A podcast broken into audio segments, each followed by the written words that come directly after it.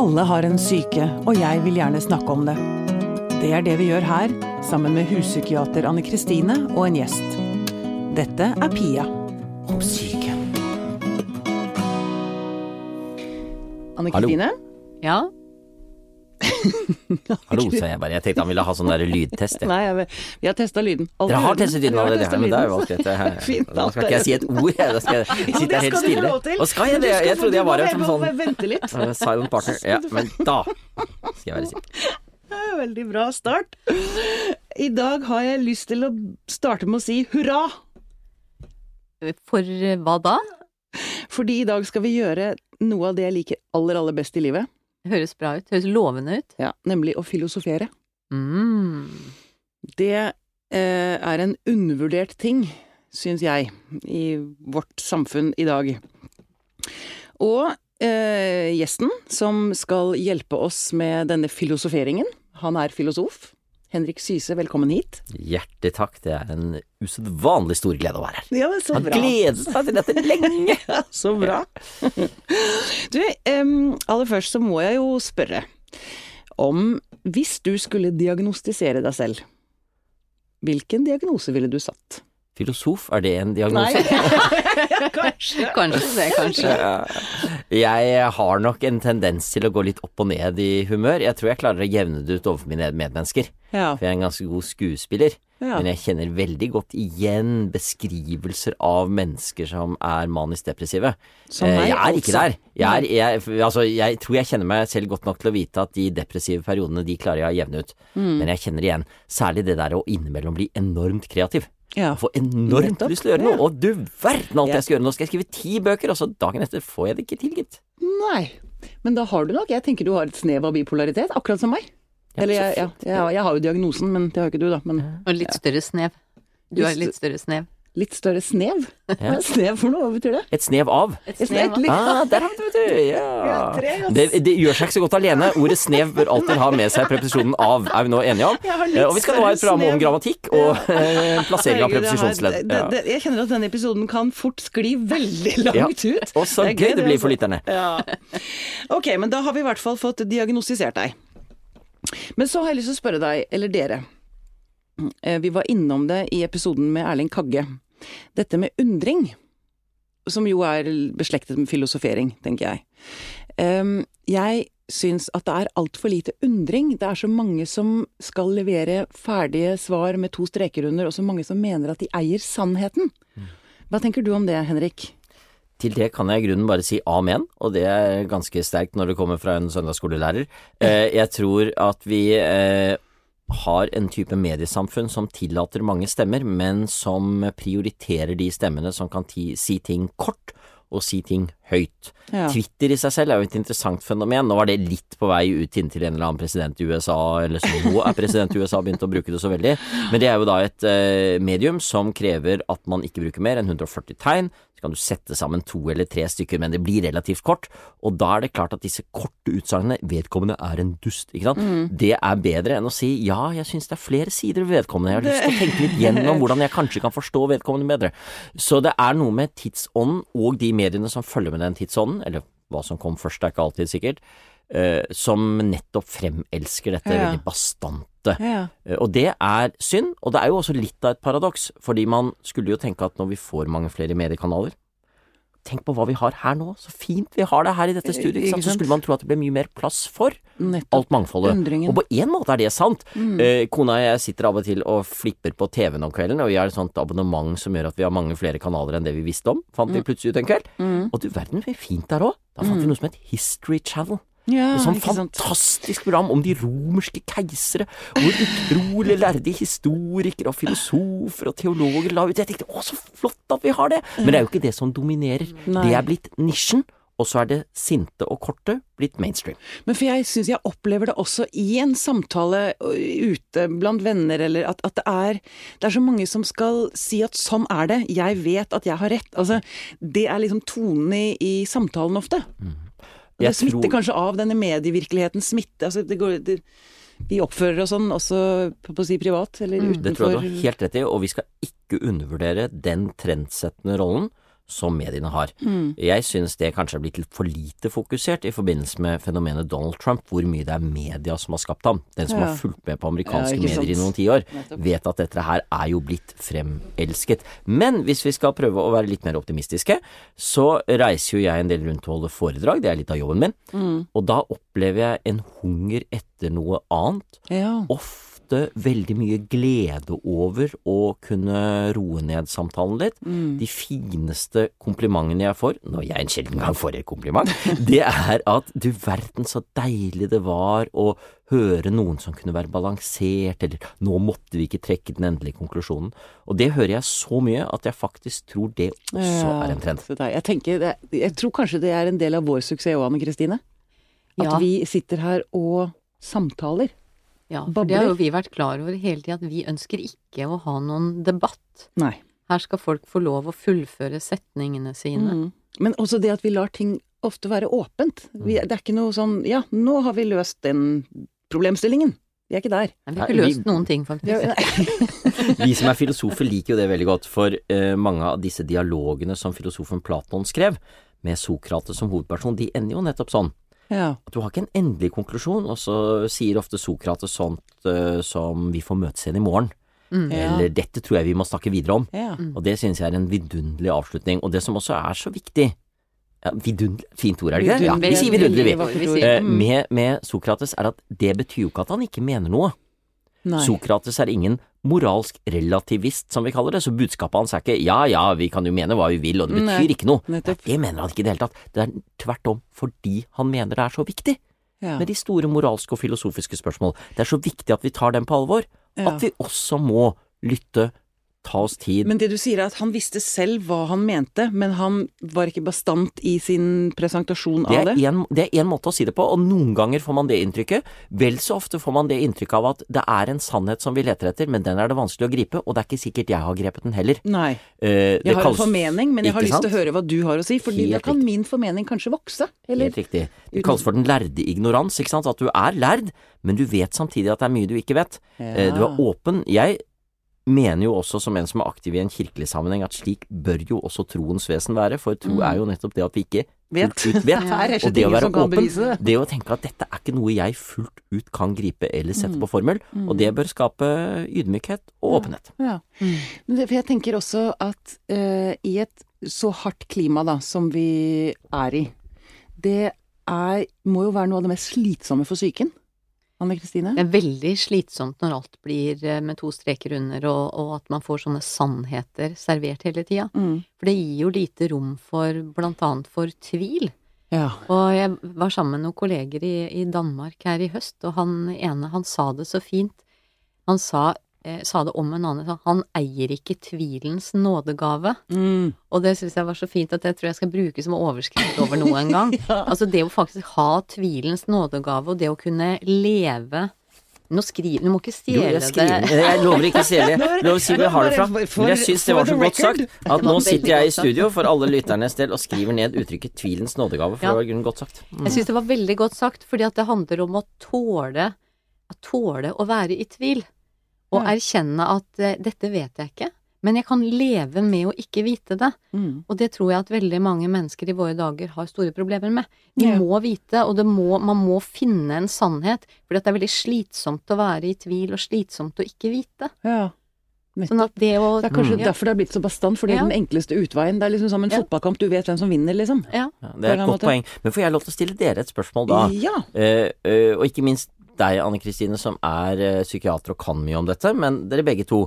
Kan det være en fare at, for at diagnoser kan fungere på den låsende måten? Mm. Fordi en diagnose av et menneske sier jo noe, men det sier jo ikke alt. Mange diagnoser kan jo også endres over tid. Jeg har en senere tiden diskutert det med en del som kan mye om psykologi og psykiatri, og de er enige at det noen ganger er en fare fordi folk til slutt tror så mye på sin egen diagnose at det stopper opp der. Eh, Jeg har gleden av å samarbeide med en flott kar som heter Asgeir Føyen, som driver Abelsø gård i Oslo. eh, Som er et sted hvor mye ungdommer får lov til å komme og eh, være på gård istedenfor å være på skolen, for på den måten å finne tilbake lysten til å gå på skolen. Kjempefint opplegg, altså skolegård. Mm. Og han sier det at der er, kan noen ganger diagnosene være en fare. Fordi en del av barna og ungdommene tror så sterkt på dem selv at de blir låst i det. Ja, men jeg får ikke til dette, jeg, for jeg har ADHD. I stedet for å se at ja, men du er jo et menneske med massevis av muligheter. Og kanskje har du et snev av det, eller en tendens til det, men vi er jo ikke bare vår diagnose. Hva vil dere si til det? Jeg har lyst til å si, jeg skal kort si det jeg begynte med. Hurra! og så overlater jeg ordet til Anne Kristine. Ja da, og jeg er jo veldig enig, og jeg, jeg har jo mange ganger i disse episodene når Pia spør eh, gjesten om diagnose, så har jeg sagt at vi skal ikke stille diagnoser om vi ikke har bruk for det.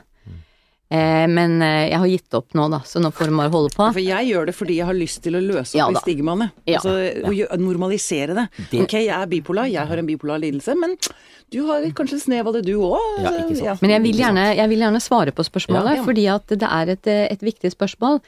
Men det er rett og slett Altså, det er et enda viktigere spørsmål fordi det med diagnoser skal vi si, det har, det har blitt litt sånn feiloppfatninger rundt hva en diagnose er også, fordi at diagnose betyr jo gjennom kunnskap.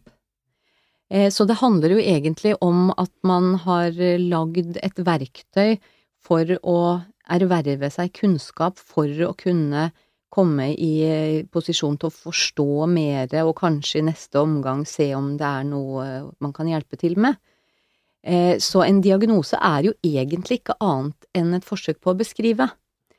Men det var vel der det begynte, for det har utviklet Ja. seg til å bli ganske låst i det har, det har utviklet seg til at det blir sånn at folk tror at en diagnose er en slags overskrift over personen, mens det det egentlig er, det er jo at man går gjennom en, i, i mange tilfeller, en veldig lang sjekkliste, og ser er det sånn at du har det sånn, er det sånn at du føler det sånn, er det sånn at det er et problem? Og så hvis man svarer ja på mange nok av spørsmålene, så er det sånn ok, da kan vi på en måte putte dette i, liksom litt i retning av at det er kanskje blitt en sykdom. Ja. Men altså en diagnose er ikke det samme som en sykdom, men man kan da tenke det at eh, du har såpass mange ja på de spørsmålene, og det går ut over hvordan du har det i hverdagen, det går ut over hvordan du har det med deg selv, hvordan du har det med andre mennesker. Så, så det er viktig å huske på at det er kan si, det er utspringet for diagnosene. Det handler om, om å, å nærme å seg gjennom kunnskap. Ja. Eh, og, og, Og det- så har vi behov for å kategorisere. Men, men det som Henrik sier, det er jeg helt enig i. En diagnose kan fort komme i veien for, eh, personen. andre ting, og Mm. for personen, og for å se ressurser. Ja. Og man kunne jo ønske seg mer vektlegging også av det man faktisk får til. Ja, for det var én ting Da, jeg inviterte deg hit, Henrik, så hadde jeg så lyst til å høre hva du øh, som filosof tenker om galskap. Mm. Mm. I, i, I filosofien, ikke sant, gjennom tidene. Eh, for det har jo vært mye rare folk, både innen religiøse ledere eller altså det, Galskap er jo noe som også endrer seg over tid, ikke sant? I høyeste grad normalitetsbegreper er jo ofte ganske tøyelige. Eh, Jeg vil jo se på galskap som et fantastisk positivt og et uhyre skummelt begrep, og det er en skillelinje jeg trekker etisk, Ja. rett og slett. ja. Eh, Jeg mener man ser en type galskap i mennesker som eh, Adolf Hitler eller Heinrich Himmler eller Josef Stalin eller Mao Zedong, og så kan man diskutere hva slags psykiatrisk diagnose det er, og at eh, de fleste av dem var helt tilregnelige i den forstand at de visste hva de gjorde, det er jeg ikke et øyeblikk i tvil om, men en form for galskap er det. Det er et gammelt begrep jeg tror kommer fra Fichte som kalles for åndspatologi. Du er ikke egentlig mentalt syk, men du er faktisk åndelig eller etisk syk. Ja, og den type akkurat. galskap, den skal vi selvsagt være på vakt overfor, for den type mennesker kan få mye makt. Og så har du jo galskapen som en positiv, frigjørende kraft. For det første det at vi mennesker er annerledes, og det én kaller galskap, kan for en annen være mye av meningen med livet deres. Og åpner vi oss opp for de ressursene og de mulighetene vedkommende har, så kan vi faktisk se ting mye rikere mennesker som finner på ting som er annerledes, som gjør ting som er annerledes. Vi vet jo selv at noen av tidenes største genier har hatt et snev av det. Ja, rett og slett. Rett og slett. Enten har de vært ansett som det av andre fordi de sa det de gjorde, eller de har rett og slett vært helt, ifølge de fleste andre mennesker, wow! Hvor kom du fra? Og tenk hvor mye fattigere samfunnet ville ha vært uten det. Og da er vi litt tilbake til det vi snakket om i sted med diagnoser, for jeg arbeider en god del med barn og unge, og så er jeg pappa, og våre barn er ganske forskjellige, og noen trenger mer hjelp enn andre, og mye PPT og oppfølging på NM og sånn. Det er jo kjempefint, hun er jo helt fantastisk, ikke sant. Jeg er onkel til en gutt som har Downs syndrom. Alle disse er jo unike. Og den unikheten og den rikdommen de gir til livet, er For meg er det det viktigste man kan snakke om i samfunnet vårt i dag, fordi vi har et samfunn som også har en sånn likhets... Ja, eh. Trend hvor vi helst skal se helt like ut alle sammen, og så skal vi ha Botox her og silikon der og si det og være med på det, ikke sant, og så skal du like og Så skal vi ha de og de meningene, og Ikke ikke lov til de å mene det. Mm. Jeg tror det å slippe løs det mangfoldet, og samtidig kunne si at etisk galskap setter vi faktisk en grense for. For det de etisk gærne, om jeg får lov til å bruke det uttrykket, Ja, ja. og kanskje vi kan kalle Donald Trump litt sånn, de utnytter jo nettopp det og sier ja, men du må tillate meg å si det jeg sier. ja. For ikke sant, eh, vi er jo for mangfold, er vi ikke det, så da må ikke du bli sinna på meg.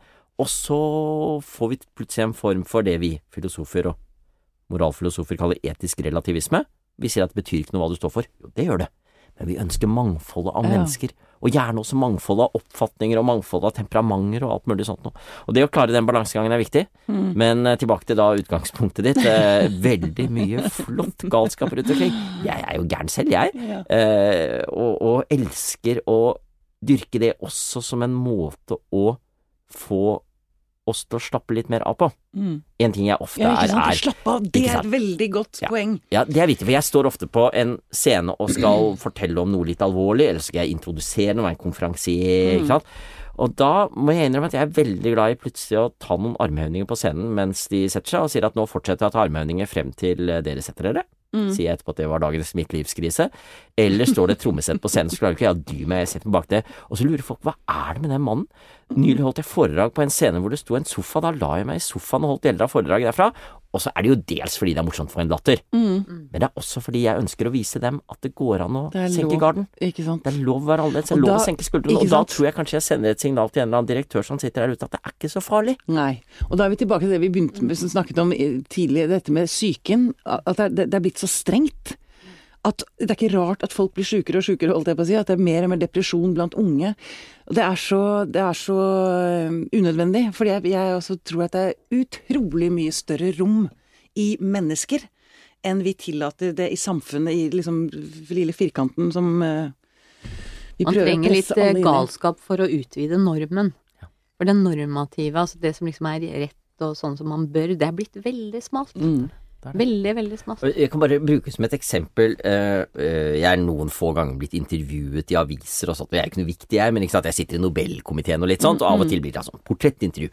Og for meg er det ganske interessant at den historien fra et sånt intervju som jeg oftest blir minnet om, det er en liten anekdote jeg nevnte fra en journalist i Dagens Næringsliv som ble med der, om at da jeg disputerte til doktorgraden, og det er en litt stiv sammenheng, ikke sant, det var sånn mørk dress og dekanus i kapp og gamle festhall og alle reiste så hadde jeg på meg Ole Brumm-sokker.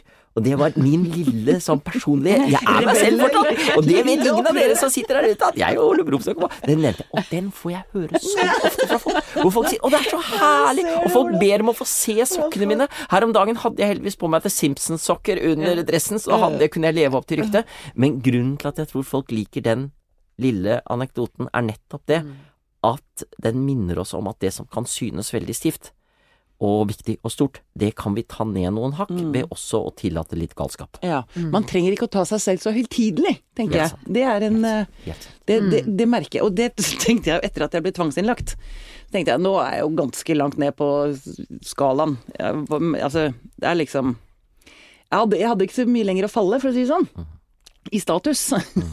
Men det fine med det er at da kan du jo bare bli bedre. Kan bare gå oppover. Altså, jeg har ingenting å tape lenger, da. Det er en veldig frihet i det. Ikke sant? Helt riktig. Og det å tillate nederlaget, det tilsynelatende nederlaget, å være en del av livets narrativ. Det er det livet er, det. Består av alle de forskjellige delene. Det består jo ikke bare av toppene. Eh, og det å tillate seg den helheten i fortellingen, det er jo så viktig. Veldig bra. Du, jeg har også lyst til å eh, høre med deg litt om eh, Eller eh, litt sånn historisk. Jeg, har- jeg har egentlig hatt lyst til det lenge. Liksom snakke om historien til psyken. psykiatrien, eller psyken. Altså, ikke sant, de gamle filosofene. Har vi en sånn Jeg regner med at ikke vi har en uh, filosofiens mor, men vi har en far. Altså psykens far. Finnes han? Mhm. Hvem, er det som, hvem var det som først liksom begynte å snakke om psyken? Kan vi filosofere litt eh, rundt dette? Det kan vi høyeste grad. Nå er det, jeg må bare spørre, ja. hvorfor er det ingen kvinnelige filosofer? De er der, men de er usynlige. De er the silent partners, fordi Ja. det var mennene som hadde makten til å skrive ting Ja, ned. Går man nøyere inn på det, så ser man jo at de er der. Og heldigvis så ser vi jo i kirkens historie at der dukker de av og til opp fordi du har hatt nonnene. Som har hatt en Ja, rolle å spille. nettopp. Og vi vet jo at hvis du tar for eksempel eh, Hildegard av Bingen som en av de store, viktige tenkerne rundt nettopp den menneskelige syke i middelalderen, jo det er jo da nettopp et eksempel på en kvinne. Hun er ikke alene. Eh, Så de finnes, men altfor ofte som eh, silent partners. På grunn av den. Det er litt av det samme hvis du leser Nytestamentet, så vil jo alle teologihistorikere og bibelhistorikere i dag si at det var faktisk ganske mange kvinner rundt Jesus, men de er ikke nevnt. Eksplisitt. Men går man inn og ser på Paulusbrevene, så ser man at en del av de menneskene som oppsummeres, ikke sant, ja, våre venner der og de som hjalp til der, det er navn som kun ble brukt om kvinner. De var der. Men i eh, den offisielle listen over disiplene, der var de ikke. Så det er en del sånne silent partners. Nå kan selvsagt Anne Kristine si mer enn meg om psykiatriens historie, men i det vestlige filosofi, med mange paralleller i andre tradisjoner, så har jo mye av opphavet for tanken om et sunt sinn ligget i harmonitanken. Ikke sant, du har de forskjellige delene av sinnet og av kroppen som skal være i en harmoni med hverandre, og at det er det vi streber etter. Så det er den ene tradisjonen som står ganske sterkt, og så har du en del Hvem var det som- opprørere mot det du finner i klassisk medisin, ikke sant. Du skal finne balansen mellom kroppens forskjellige væsker, for eksempel. Du finner det i Sokrates og Platons begrep om sjelen Ja. som skal finne sin plass, ikke sant? Som ikke skal gå utover det som er den plass som er satt. Og det finner du igjen senere i eh, kristentenkning med tanken om et hierarki. At det å være menneske er å finne sin plass i det store hierarkiet. Vi har noe over oss, Gud og engler og høye prinsipper, og så har vi noe under oss som vi skal være med på å ta vare på. Og faren for mennesket er å gå ut av den plassen. Det største faren av alt, det er å glemme det som er over oss. For da tror vi at det er vi som er øverst. Da tror vi plutselig at det Ah. er vi som er Gud. Og da får du det som eh, Augustin på 400-tallet berømt kalte libido dominandi. Da blir vi så glade i å være sjef. Og det farligste er når mennesker tror at jeg er sjef over alt. Ja, det kan du gjerne si. Så eh, det er i hvert fall de begrepene som man ser ganske tydelig som en sånn trend gjennom filosofiens historie, så utlegges de på forskjellig vis. Men det er det å finne en plass, være bevisst på at du er en del av en større helhet. Hva vil psykiateren si til dette?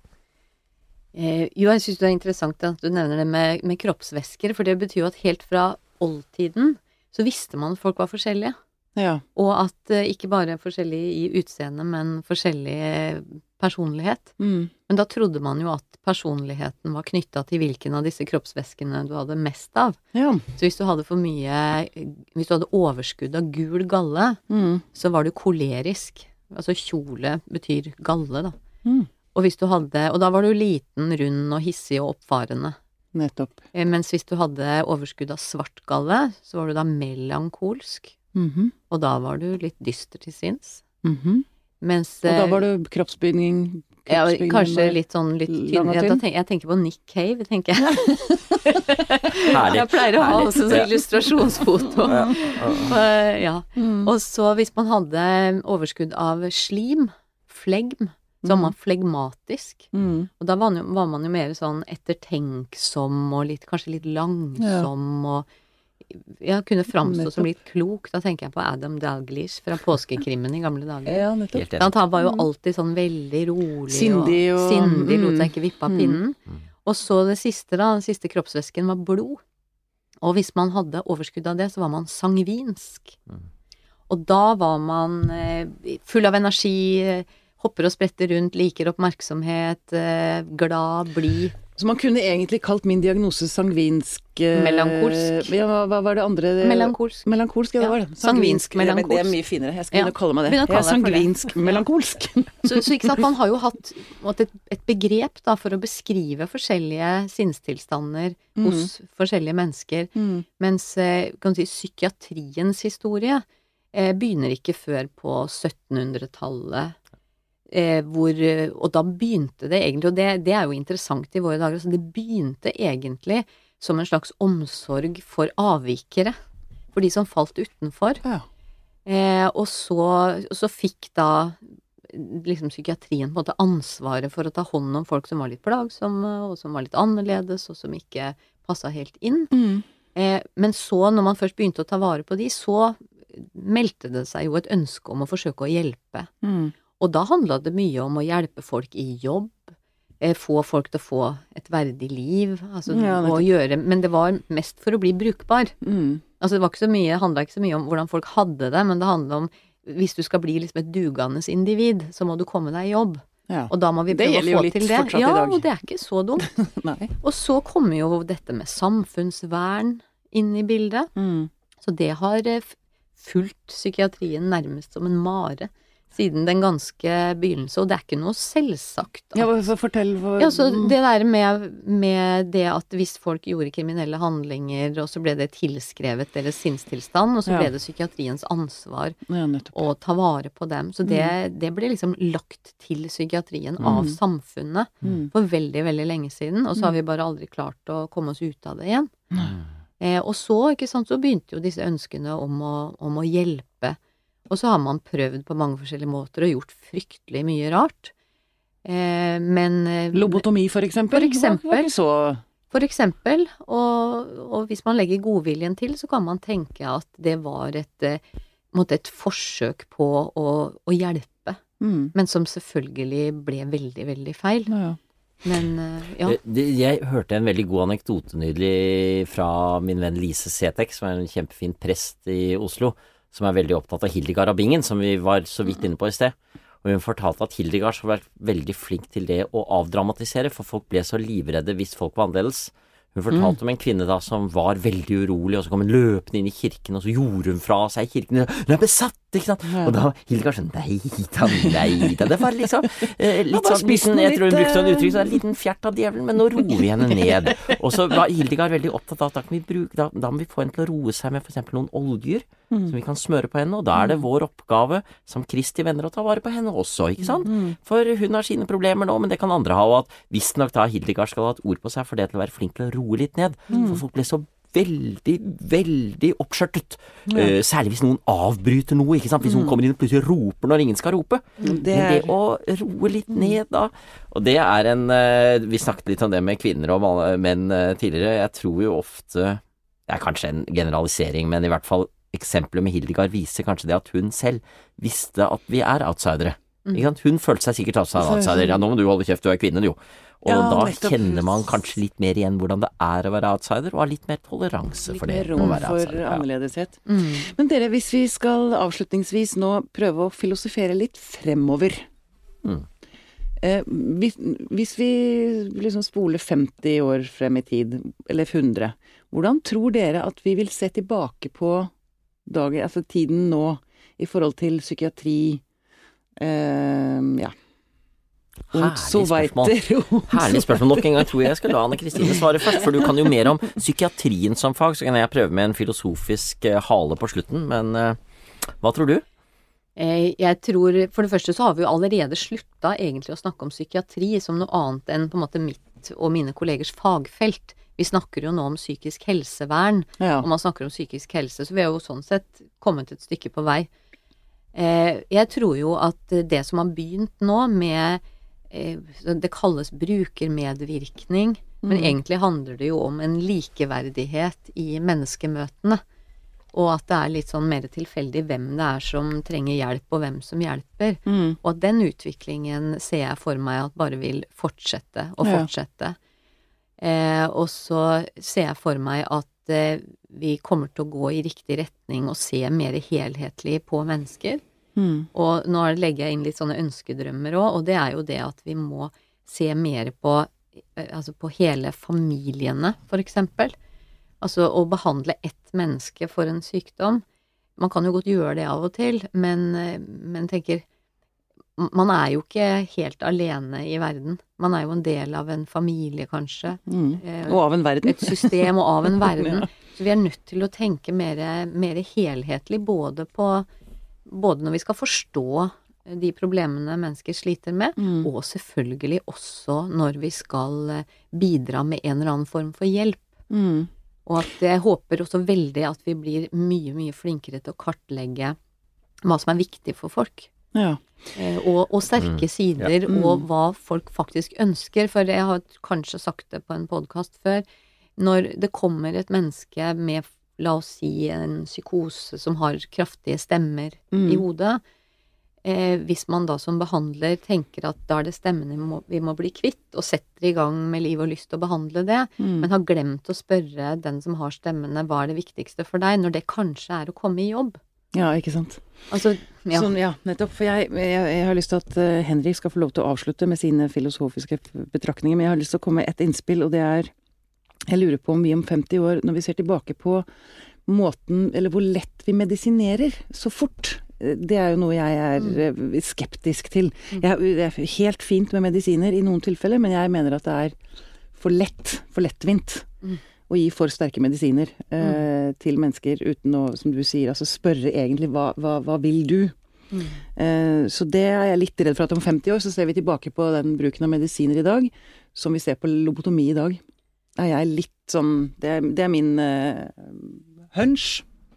Jeg er kanskje ikke riktig så pessimistisk, men jeg tenker at vi må bli flinkere til å bruke riktige medisiner i riktige doser til dem som trenger det, Ja. og dem som vil ha det. Ja. Uh, ja. Ok, Det er, jo, det er jo et kjempegodt spørsmål det med hva kommer vi til å si om 50 år. Jeg tenker ofte hva kommer historiebøkene til å si? Om 50 år så kommer jeg til å si oi, jeg ble 100 gitt. For jeg er nettopp blitt 50, så er, det, jeg- er du også ja. 67-modell? Jeg blir snart 50. Jeg er 66-er faktisk, så jeg ble født da i fjor, Du. Altså i fjor pluss plus 50. Eh, Så, men, men nettopp i den videre forstand. Eh, veldig eh, viktig det dere sier, og det er klart at når vi tenker gjennom hva kommer man til å si om vår tid, så kan man ha noen ønskedrømmer òg. Hva håper vi at de sier om vår tid? Hva håper vi at vi har lært? Jeg tror jo man kommer til å se på vår tid som en veldig sammensatt tid. Eh, en tid med ganske motstridende tendenser, hvor det på den ene siden er en veldig sterk vekt på dette med å øh, legge vekt på den enkelte, dermed i medisinsk og psykiatrisammenheng legge vekt på brukeren, eh, toleranse, mangfold, og samtidig en tid hvor det er mye sinne og populisme og en del som gjør opprør mot nettopp dette mangfoldet, fordi man er redd for da at man får truet sin egen posisjon. Og det tror jeg man også kan komme til å si om eh, det som har med psykisk helse. Eh, At det var mange trender på en gang. Og så er det litt opp til oss nå, da. Hvordan vi klarer å styrke de gode trendene, og skape et inkluderende uh, samfunn. Uh, Og hvordan vi klarer å kjempe mot de negative trendene. Og da er jo jeg en som eh, tror på at institusjonene også er viktig. Og da mener ikke jeg med institusjonene bare regjering og helsevesen. Jeg mener også slike ting som familie, vennskap, nærmiljø, Podkaster. Helt riktig. At vi tar vare på og styrker de gode institusjonene for å gi mennesker en plass og en stemme. Og jeg håper jo man vil si i ettertid at til tross for en del skumle tendenser, så klarte dette samfunnet å ta vare på de sterkeste institusjonene sine, bruke de tingene som var der av positivt, og på den måten komme gjennom noen uh, tøffe tak. Er du håpefull? Ja, Jeg er alltid håpefull. Henrik Syse, hjertelig tusen takk for at du eh, kom til oss. Tusen takk for at jeg fikk komme, det har vært moro. Jeg håper jeg får komme igjen en gang! Kanskje om 50 år! Kanskje om 50 år! Det skal du ikke se bort fra.